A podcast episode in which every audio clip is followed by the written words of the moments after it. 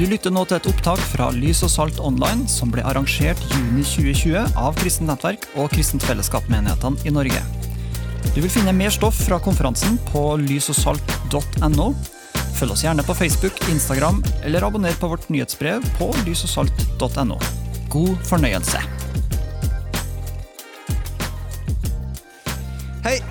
Hjertelig velkommen til bibelseminar på Lys og Salt online. Navnet mitt det er Håvard Kjøllesdal, for dere som ikke kjenner meg. og Jeg bor til daglig i Trondheim, og så der arbeider jeg med menighetsbygging. Gift og pappa til tre. Skjønne ikke så små lenger, kanskje, men veldig skjønn. Ja, eh, det her er altså et sånt bibelseminar, og da mener jeg liksom, i ordets uh, rette forstand. For det her seminaret det er et tredelt seminar hvor vi skal se på Det har overskrifta da 'Hvordan leste Jesus Bibelen?' Vet, Bibelen, den boka her, den er kanskje den boka som uh, er mest lest i, i hele verden, i hele verdenshistorien. Det er kanskje den boka som har inspirert flest kunstnere, flest musikere, flest politikere til å skape nye ting, til å forandre verden. Den har vært inspirasjon til fedre til å bygge familier. og det, det, På veldig mange måter så har denne boka vært en sånn inspirasjonskilde for mennesker.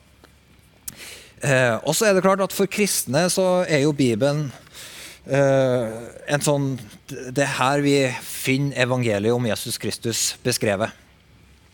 Men forholdet kristne har til Bibelen, det har det, det, har På en måte kan vi si at det har utvikla seg, men, men, men, eller vi kan si at kristne har en veldig ulikt forhold til denne boka. For noen vil si at ja, Bibelen den inn, Bibelen er full av mennesker sine betraktninger og meninger om Gud. Eller noen vil si at i Bibelen så finner vi, eh, finner vi Guds ord, men vi finner Guds ord på samme måte i andre bøker og i teologiske verk osv. Så, videre. så Bibelen er én av mange kilder til Guds ord. Eh, og fordi kristne har ulike syn på Bibelen, så lander kristne òg på litt ulike tolkninger av sånne sentrale spørsmål som går på tro og lære. Og så er det noen som da sier ja, men eh, hvis kristne kan tolke Bibelen på forskjellig måte, hvordan kan vi, kan vi da si at én tolkning er bedre enn en annen? Er ikke det da sånn at alle bibeltolkninger er like gode?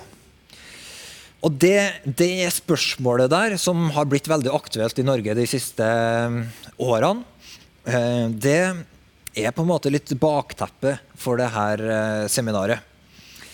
Fordi hvis det er sånn at vi som kristne kan tolke Bibelen på mange ulike måter, da, og, det, og, det, og Bibelen gir rom for det, da er det jo Eh, da, da, kan vi leve med mange si, ulike versjoner av sannheten med stor S.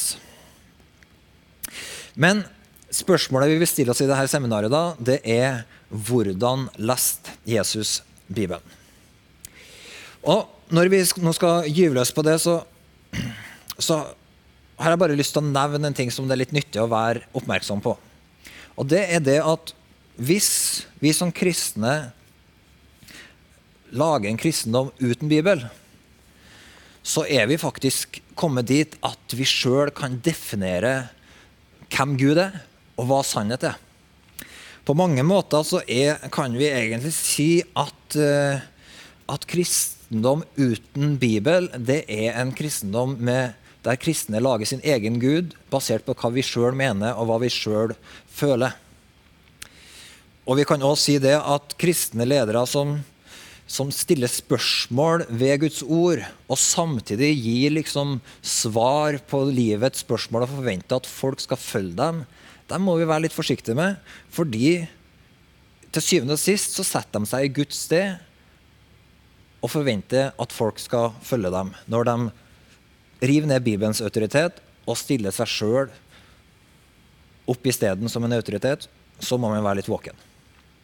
bare nevne det innledningsvis, for det er litt, jeg tror det er litt viktig å ha med seg i den tida vi lever i, hvor vi òg kan oppleve at kristne sånne autoritetsskikkelser stiller grunnleggende spørsmål ved om vi kan stole på Bibelen, og på hvilken måte det er Guds ord.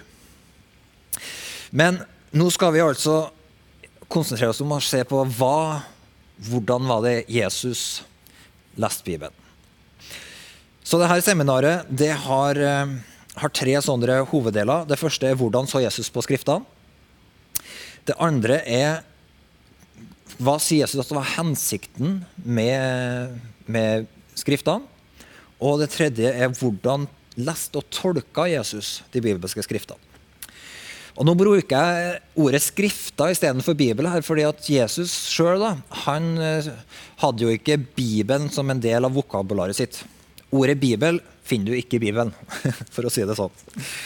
Men eh, når Bibelen snakker om seg sjøl, så snakker, bruker den ordet 'skriftene', eller den bruker ordet 'Guds ord'. Begrepet Guds ord. Så og når Jesus omtaler de her skriftene, så, en, så sammenfatter han det ofte med Moseloven, profetene og salmene, som viser oss da at Jesus sin bibel da, det er det som vi kjenner som Det gamle testamentet. Så la oss begynne å se litt på hvordan så Jesus på de her skriftene, som vi da kaller for Det gamle testamentet. Og vi begynner i Markusevangeliet og kapittel 7. Og her, eh, det Vi skal lese fra vers 9. Og Her er Jesus i en sånn uh, dialog med en del uh, fariseere og skriftlærde. Og De kom da med et sånt spørsmål til, til Jesus om hvorfor ikke disiplene til Jesus uh, fulgte noen av de, de her vaskeforskriftene som uh, fariseerne var opptatt av. Og så svarer da Jesus på det her. Eh, og I vers 8, eh, da, hvis jeg kan ta med det, så sier han at dere har forlatt Guds bud, men holder fast på menneskers overlevering. Og Så leser vi videre i vers 9, så sa han Han sa til dem, ja, dere får det fint til. Dere avskaffer Guds bud for å innføre deres egen overlevering. For Moses sa, hedre din far og din mor, og den som bruker onde ord mot eh, far eller mor, skal dø. Men dere godkjenner likevel at noen sier til sin far eller mor det du skulle hatt av meg til hjelp, skal være en korban. Det betyr en gave til tempelet.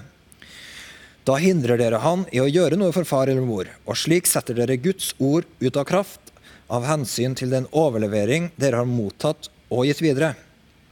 Og mye annet av samme slag gjør dere. Så her går Jesus i rette med fariseerne og sier han at uh, dere har noen sånne religiøse tekster, noen forskrifter, som dere uh, holder fast på. Og når dere bruker de her religiøse tekstene, så undergraver dere autoriteten til skriftene. Og så refererer da, bruker Jesus et eksempel på å forklare hvordan de her skriftlærde og fariseerne setter det som Jesus kaller Guds ord, til sides. Så han sier at det, I de her religiøse forskriftene så finnes det en, et påbud om at eh, hvis noen eh, liksom, eh, har et, en oppgave med å tjene i tempelet, så kan han si til foreldrene sine at uh, hoved, det jeg egentlig skal ha gjort for dere, det skal jeg isteden bruke Den energien min skal jeg bruke på å arbeide i tempelet. Og så sier Jesus at det fins ingen sånne forskrifter i Guds ord. Nei, for Moses han sier veldig enkelt bare at du skal hedre din far og din mor og den som bruker onde ord mot far eller mor, skal dø. Så, så Jesus går i rette med dem og så sier han, dere bruker noen menneskeoverleveringer og setter på den måten Guds ord ut av kraft. Så det første vi legger merke til, det er at Jesus han snakker om at det fins mange religiøse skrifter, men når han henviser til Moses sine skrifter, i dette tilfellet, så snakker han da om, omtaler han det som Guds ord. Det, der trenger vi på en måte å stoppe opp litt. For det betyr at Jesus sier at det fins noen skrifter som er Guds ord, og som vi har lest, han kaller dem for Guds bud. Og Så sammenligner han det med sånne menneskelige overleveringer. Så med det så på en måte skjærer Jesus hva skal jeg si, en kniv gjennom all litteratur som fins, og så sier han at det fins masse typer litteratur, men det fins noen ting som er Guds ord, og det har en helt annen autoritet, en helt annen plass. Det er sin egen kategori. Og så finner vi det at, eh, at eh, Jesus han, eh, han, han anerkjenner at det fins ikke bare annen litteratur, men at det fins andre sånne religiøse forskrifter og religiøse bøker. Og det må vi være klar over at det fins det mange av i dag òg. Og sånne kristne, og Da kan vi snakke om all slags og kristen teologi og kristen litteratur og forstå at, eh, at eh, Jesus antageligvis ville ha behandla alt det her som vi snakker om som den kristne undervisninga, kristne litteraturen osv.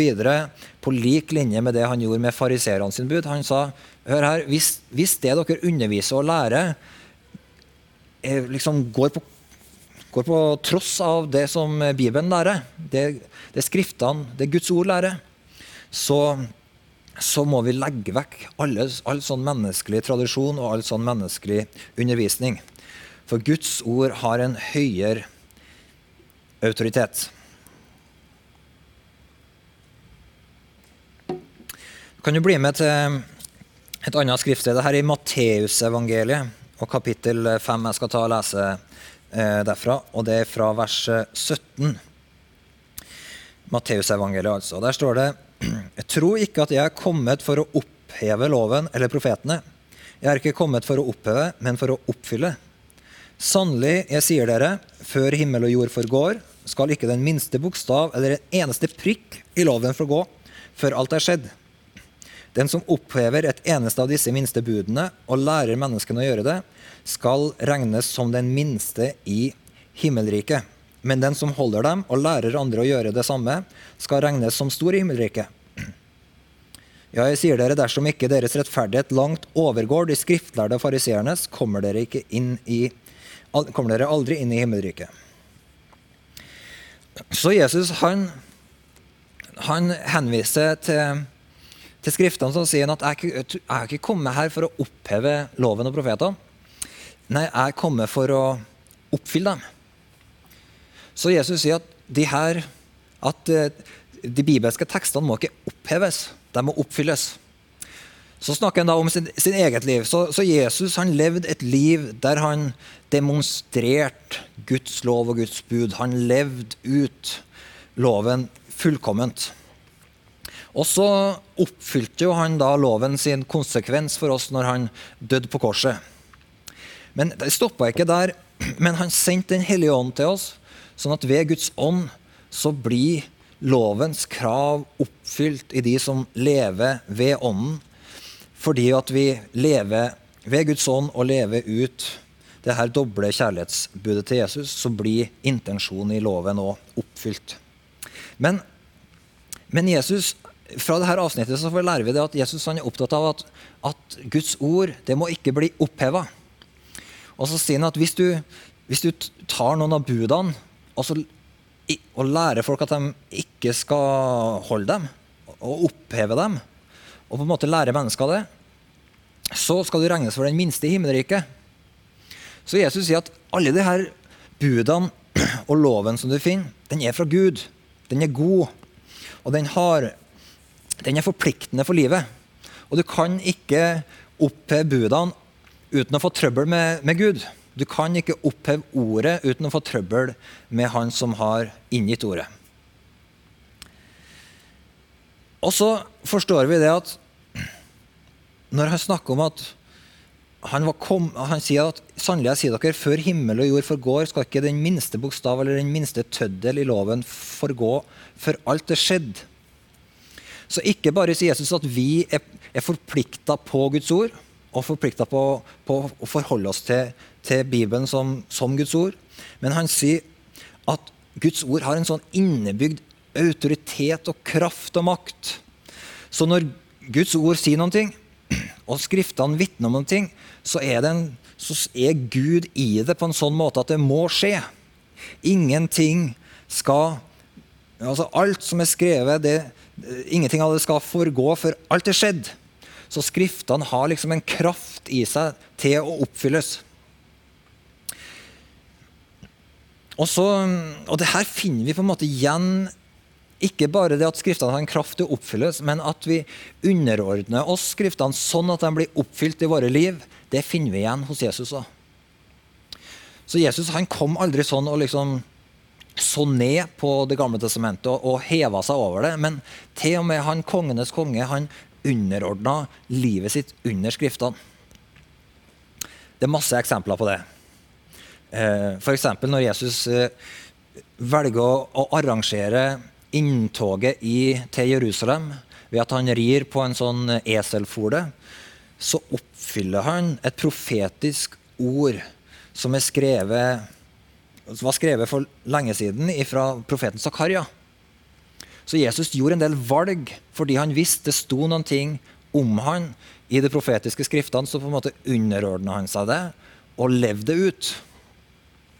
Mens andre ganger så ser vi at de, skriftene og de profetiske ordet bare ble oppfylt uten at Jesus på en måte aktivt kunne ta noen valg. Når Jesus hang på korset, så står det at, eh, at, eh, at når eh, soldatene delte kappa hans mellom seg så, og, og kasta lodd om kappa hans, så, så ble det oppfylt et profetord som var talt om at dette skulle skje. Eller når soldaten, den romerske soldaten som, som skulle teste at Jesus eh, virkelig var død når han hang på korset, når han valgte å stikke et spyd inn i sida på den, så, så ble det her profetordet oppfylt at ikke et bein skulle brytes på han. Og, og, greia med det var jo at På, siden, på begge sider av Jesus så, så var det korsfesta eh, var det folk som var korsfesta, og den romerske soldaten gikk og brakk beina på de som var korsfesta, for å liksom, eh, liksom, få fart på dødsprosessen, sånn at liksom kroppen skulle kollapse. Men når han kom til Jesus, så brøt han ikke beina på han. Og soldaten han gjorde det antageligvis bare fordi han så han var død. Og så Istedenfor å bryte beina på han, så bare stakk han et spyd i sida og sjekka at, at han virkelig var død. Og så også på den måten, uten at verken Jesus sjøl var i, i, posisjon til å kunne gjøre noe med det, eller soldaten var i posisjon til å kunne gjøre noe med det, så, eller forsto hva som skjedde, så ble Skriftene oppfylt. Så Skriftene hadde for Jesus en sånn innebygd autoritet. Det Skriftene sa, måtte skje. Og det Skriftene sa, det valgte han å underordne seg.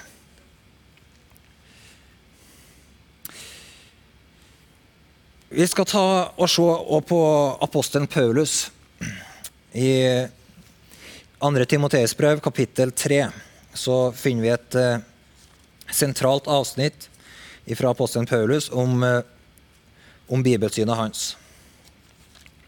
Og Når vi i dette seminaret på en måte har overskrifta 'Hvordan var det Jesus eh, leste Bibelen', så kan vi på en måte si 'Hvordan var det Jesus og apostlene'? lest Bibelen. Fordi Jesu apostler de sto i et sånt læreforhold til Jesus der de, eh, de, ført, de var Jesu disipler som førte Jesus sin tradisjon videre. Så vi kan med stor trygghet si at det som vi finner apostlene skriver, det er på en måte, eh, og måten de leste Bibelen på, det er i denne tradisjonen som de lærte fra Jesus. Hans bibelsyn, hans måte å tolke Bibelen på, hans måte å underordne seg Bibelen på, det preger òg apostlene. Og du finner at det er en nøye sammenheng mellom måten Jesus forholdt seg til Skriftene på, og måten apostlene forholdt seg til Skriftene på. Så vi kan si på en måte at, at eh, Jesus og apostlene hadde et, hadde et bibelsyn som vi kan lære fra. En måte å tolke Bibelen på som vi kan lære fra og følge etter. Og Nå skal vi da se på apostelen Paulus. Og han skriver da i 2. Timoteus brev i kapittel 3, og fra vers 15 så skriver han da til Timoteus.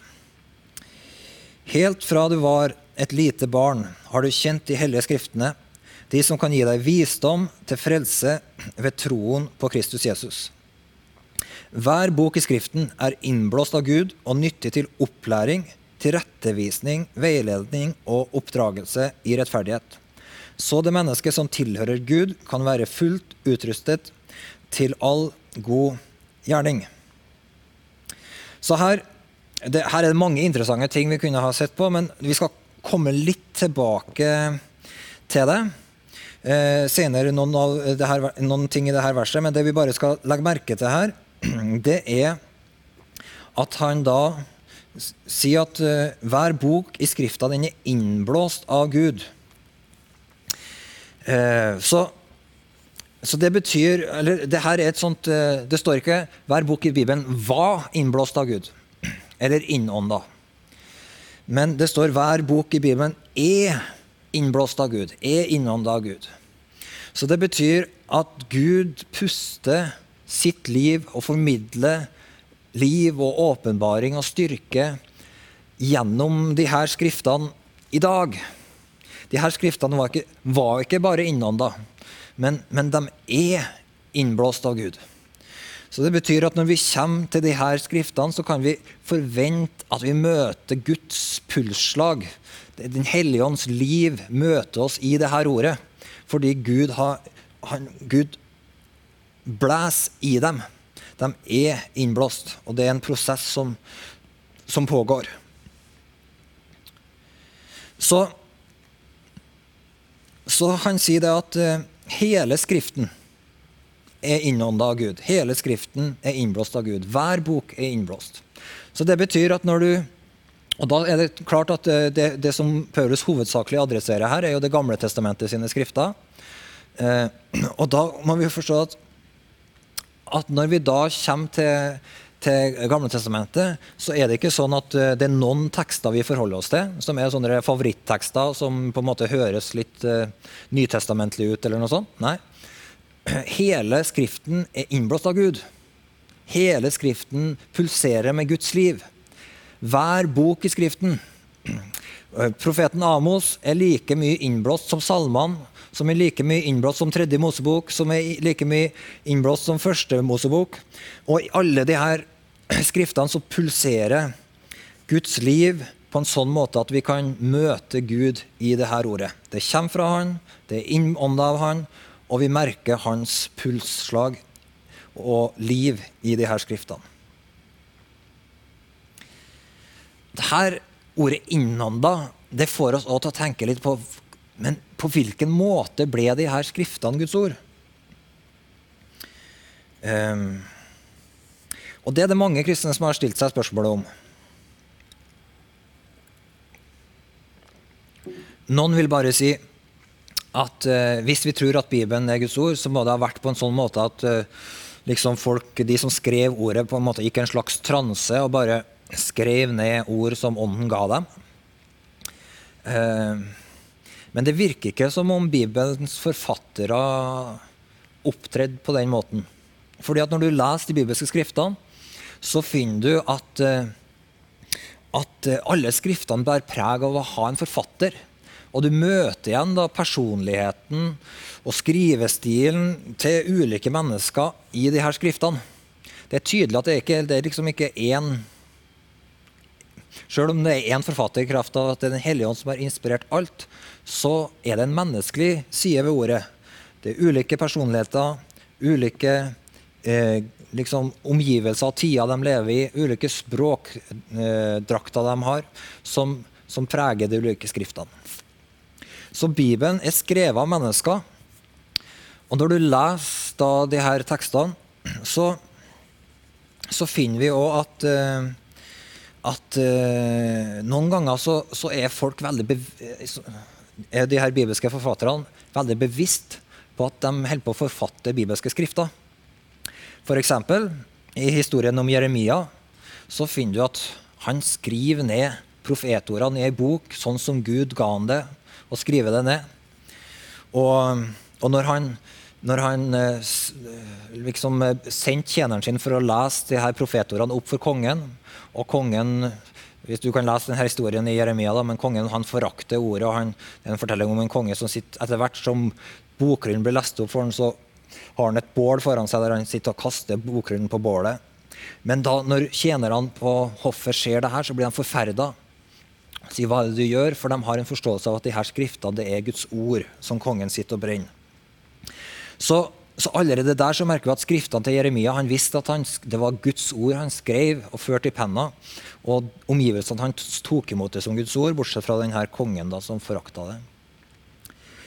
Mens andre ganger så får du inntrykk av at, at de folkene som skrev eller profeterte eller sånn, eller, eller skrev salmer eller dikt eller De hadde bare en De skrev og de var ikke fullt ut klar over at, det var, at de satt og formulerte sånne hellige skrifter. Så da må vi tenke, når Jesus f.eks. henviser til David og sier i Markus 12 så sier Jesus selv sier jo David, drevet av Den hellige ånd. Herren sa til min herre, sett deg ved min høyre hånd. Så Jesus sier at David i salmen, i salme 110, tror jeg det, eh, han, han sa det han sa, drevet av Den hellige ånd. Men det var David som sa det. Så, så, det virker som om de her bibelske forfatterne av og til så var de ikke fullt ut klar over at de holdt på å forfatte hellige skrifter. Og av og til så var de fullt ut klar over det. Men i alle situasjoner så våka Gud over skriftene. Han våka over de folkene som forfatta dem. Og han sørga for at alt ble sånn som han ville ha det. Jeg har lyst til å bare ta med et avsnitt som, der Paulus beskriver noe av sin prosess med å være en, et talerør for Gud. I Galaterbrevet 1 og vers 15 så skriver han Men Gud, som utvalgte meg allerede i mors liv og kalte meg ved sin nåde, besluttet i sin godhet å åpenbare sin sønn for meg, for at jeg skulle forkynne evangeliet om han for folkeslagene. Så Her beskriver Paulus på en fantastisk måte hvordan Gud utvalgte han i mors liv og forma han for at han skulle være nettopp den han skulle være til å, å formidle evangeliet. Så hele Paulus sitt liv var på en måte på dreieskiva, på Guds dreieskive og i Guds plan, sånn at han skulle være den, det redskapet som Gud kunne bruke til å forme de her skriftene som vi har i dag. Så når vi snakker om Skrifta sin inspirasjon, så kan vi si det at Jesus han holdt Skriftene for å være Guds ord, og de var skrevet av mennesker som var drevet av Ånden. En ting som vi ikke har vært så mye innpå, det er at men som vi må ta med i en sånn oppsummering, det er at Jesus sier at han, han forholdt seg til at skriftene var sånn historisk korrekt. Altså at de historiene og datoene og folkene som er beskrevet i, i Bibelen, at det var historiske skildringer. Han stiller aldri noe spørsmålstegn ved det. Eh, og det er faktisk eh, Sånn opererer også Bibelen sjøl. Bibelen tidfester begivenheter. Bibelen gjør på en måte krav på å være et historisk skrift og på en måte inviterer oss til å gå det litt etter sømmene. Så, så, og Jesus stiller aldri noen sånne spørsmålstegn ved de historiske begivenhetene. Jesus han refererer til historien om Noah og vannflommen, han refererer til historien om, om Moses og kobberslangen, han refererer til historien om, om eh, Jonah i fiskens buk. Uten at han på en måte stiller noen spørsmål ved den historiske korrektheten han, det er for Jesus et sånt grunnleggende premiss. Så Jesus han forholdt seg til at skriftene var historisk korrekt. Og så lærer vi fra Jesus at i skriftene så finner vi Guds vilje på en sånn måte at vi er forplikta til å leve etter det. Det er ikke sånn at vi kan lese de bibelske skriftene og så bare ignorere dem, men fordi det er Guds ord, så er vi forplikta til å leve i samsvar med det.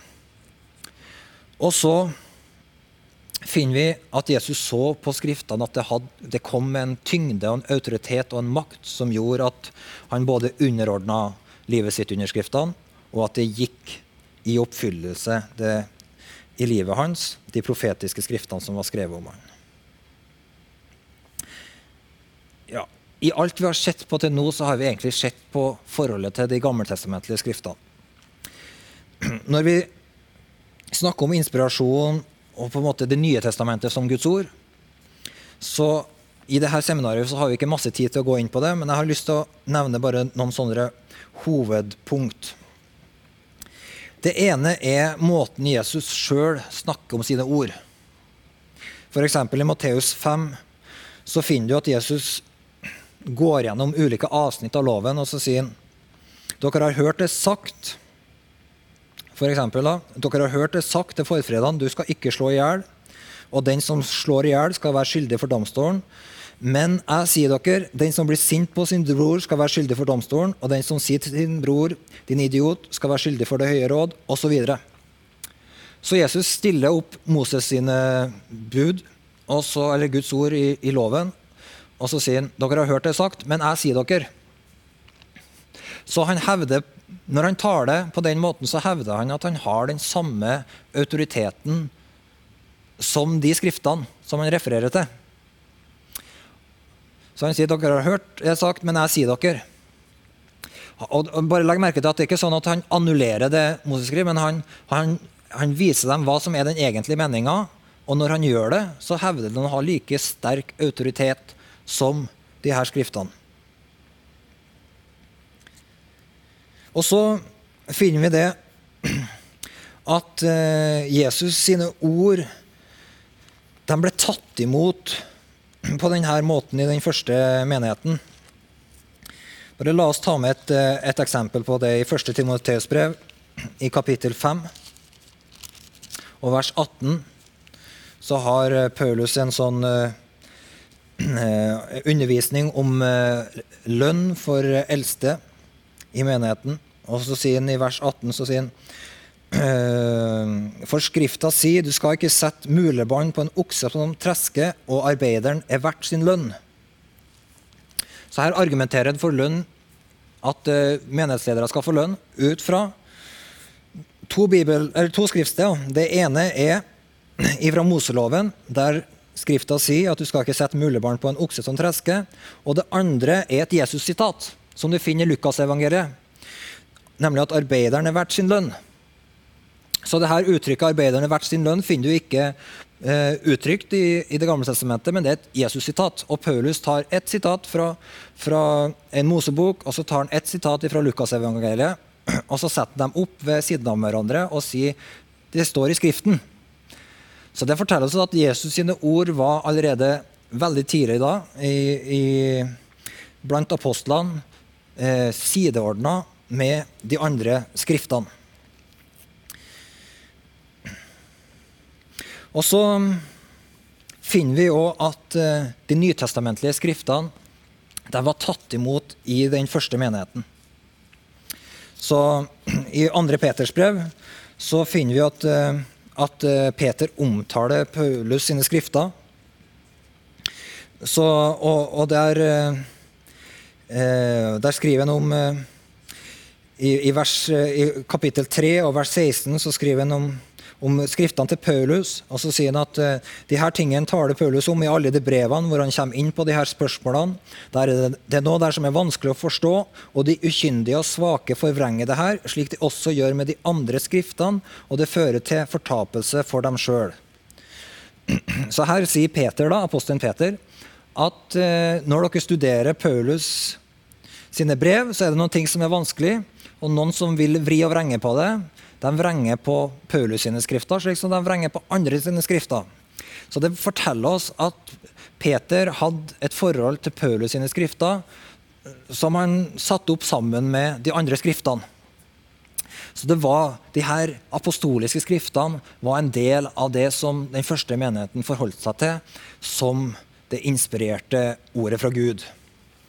Og Det kunne vi sagt mer om hvordan de her skriftene ble samla, og kanon for både GT og NT, men det her seminaret har ikke tid for det. Men jeg har lyst til å bare lande denne første delen med å si noen ting om Det gamle testamentet. Fordi av og til så hører jeg sånne utsagn som at folk sier ja, men det her er bare en gammeltestamentlig undervisning. Eller det her er bare en eh, vi, Nå er vi nytestamentlig tid, så det her er vi ikke forplikta på lenger. Jeg tror at hvis, hvis du hadde sagt det til en av Jesu disipler som vandra med ham, så ville de ha bare ikke, de ville ha blitt helt satt ut av et sånt utsagn. Fordi det de lærte av Jesus, var å arbeide med Skriftene for å forstå evangeliet. Det de lærte av Jesus, var at disse skriftene var Guds ord. Det de lærte av Jesus, var at de underordna livet sitt under disse skriftene. Og så er det en del som sier at jo, det er bare fullt av sånne ettertavler og kriger. Eh, og det, det, er så vanskelige tekster og sånn. Men de som sier det, de mistenker jeg for at de ikke har lest veldig mye i Gamle testamentet. Fordi at ettertavler er en veldig veldig liten del av, av de, de, tekstene. Og ja, Jeg kan være enig i at det er en, en, liten, kanskje litt kjedelig og tørr del, men, men det, det, tar ikke stor plass. Og det samme når, du, når noen sier at, her, at du liksom møter en annen liksom en sånn krigersk versjon av Gud. og sånn. Nei, nei, nei. nei. Når du leser Det gamle testamentet, så er det først og fremst en historie om Guds trofasthet, om Guds nåde, om Guds barmhjertighet, som viser seg i møte med mennesker som vender Gud ryggen. Så vi, vi trenger å lese hele Bibelen for å kjenne Gud. Det gamle testamentet lærer oss at Gud er nådig, barmhjertig og rik på miskunn. Og liksom Gang etter gang så overrasker Gud oss med å vise barmhjertighet på steder der vi tenker nå er det på tide at du virkelig slenger inn en skikkelig dom her og får slutt på ondskapen. Så kommer Gud og viser nåde og barmhjertighet lenge før fortellinga om Jesus på korset fant sted. Så Gud er den samme nådige Gud fra første Mosebok til Johannes' åpenbaring. Vi trenger Gamletestamentet for å forstå verden og for å forstå mennesket sin historie. GT gir oss liksom fortellinger eller rammer om hvordan verden ble til. Den forteller oss hva som var Guds plan for verden. Og så viser den oss hvorfor verden har så store utfordringer. Så du trenger hele Bibelen for å forstå hvordan hele verden henger sammen. Det er ingen skrifter i Det nye testamentet som kan erstatte skapelsesfortellinga, historien om de første menneskene, historien om, vi, om, Guds plan som begynner å utfolde seg i generasjon etter generasjon. Og så trenger vi Det gamle testamentet for å forstå hva det vil si å være et menneske. GT lærer oss de her grunnleggende tingene om menneskeverdet. Om hva som er meninga med livet. Hva som er hensikten og oppdraget til mennesket hva, som, hva, det betyr å være skapt i Guds bilde, hva det betyr å ha en ukrenkelig verdi. Alle de her allmenne tingene om å være et menneske lærer vi gjennom fortellingene i Det gamle testamentet. Og så trenger vi da, ikke minst, og det her skal vi komme veldig mye mer tilbake til i de to neste seminardelene, så trenger vi GT for å kjenne Kristus og for å forstå evangeliet. Vi trenger de tekstene som er i vårt Gamle testamentet for å forstå rikdommen og dybden i både hvem Jesus er, og hva evangeliet om Kristus går ut på.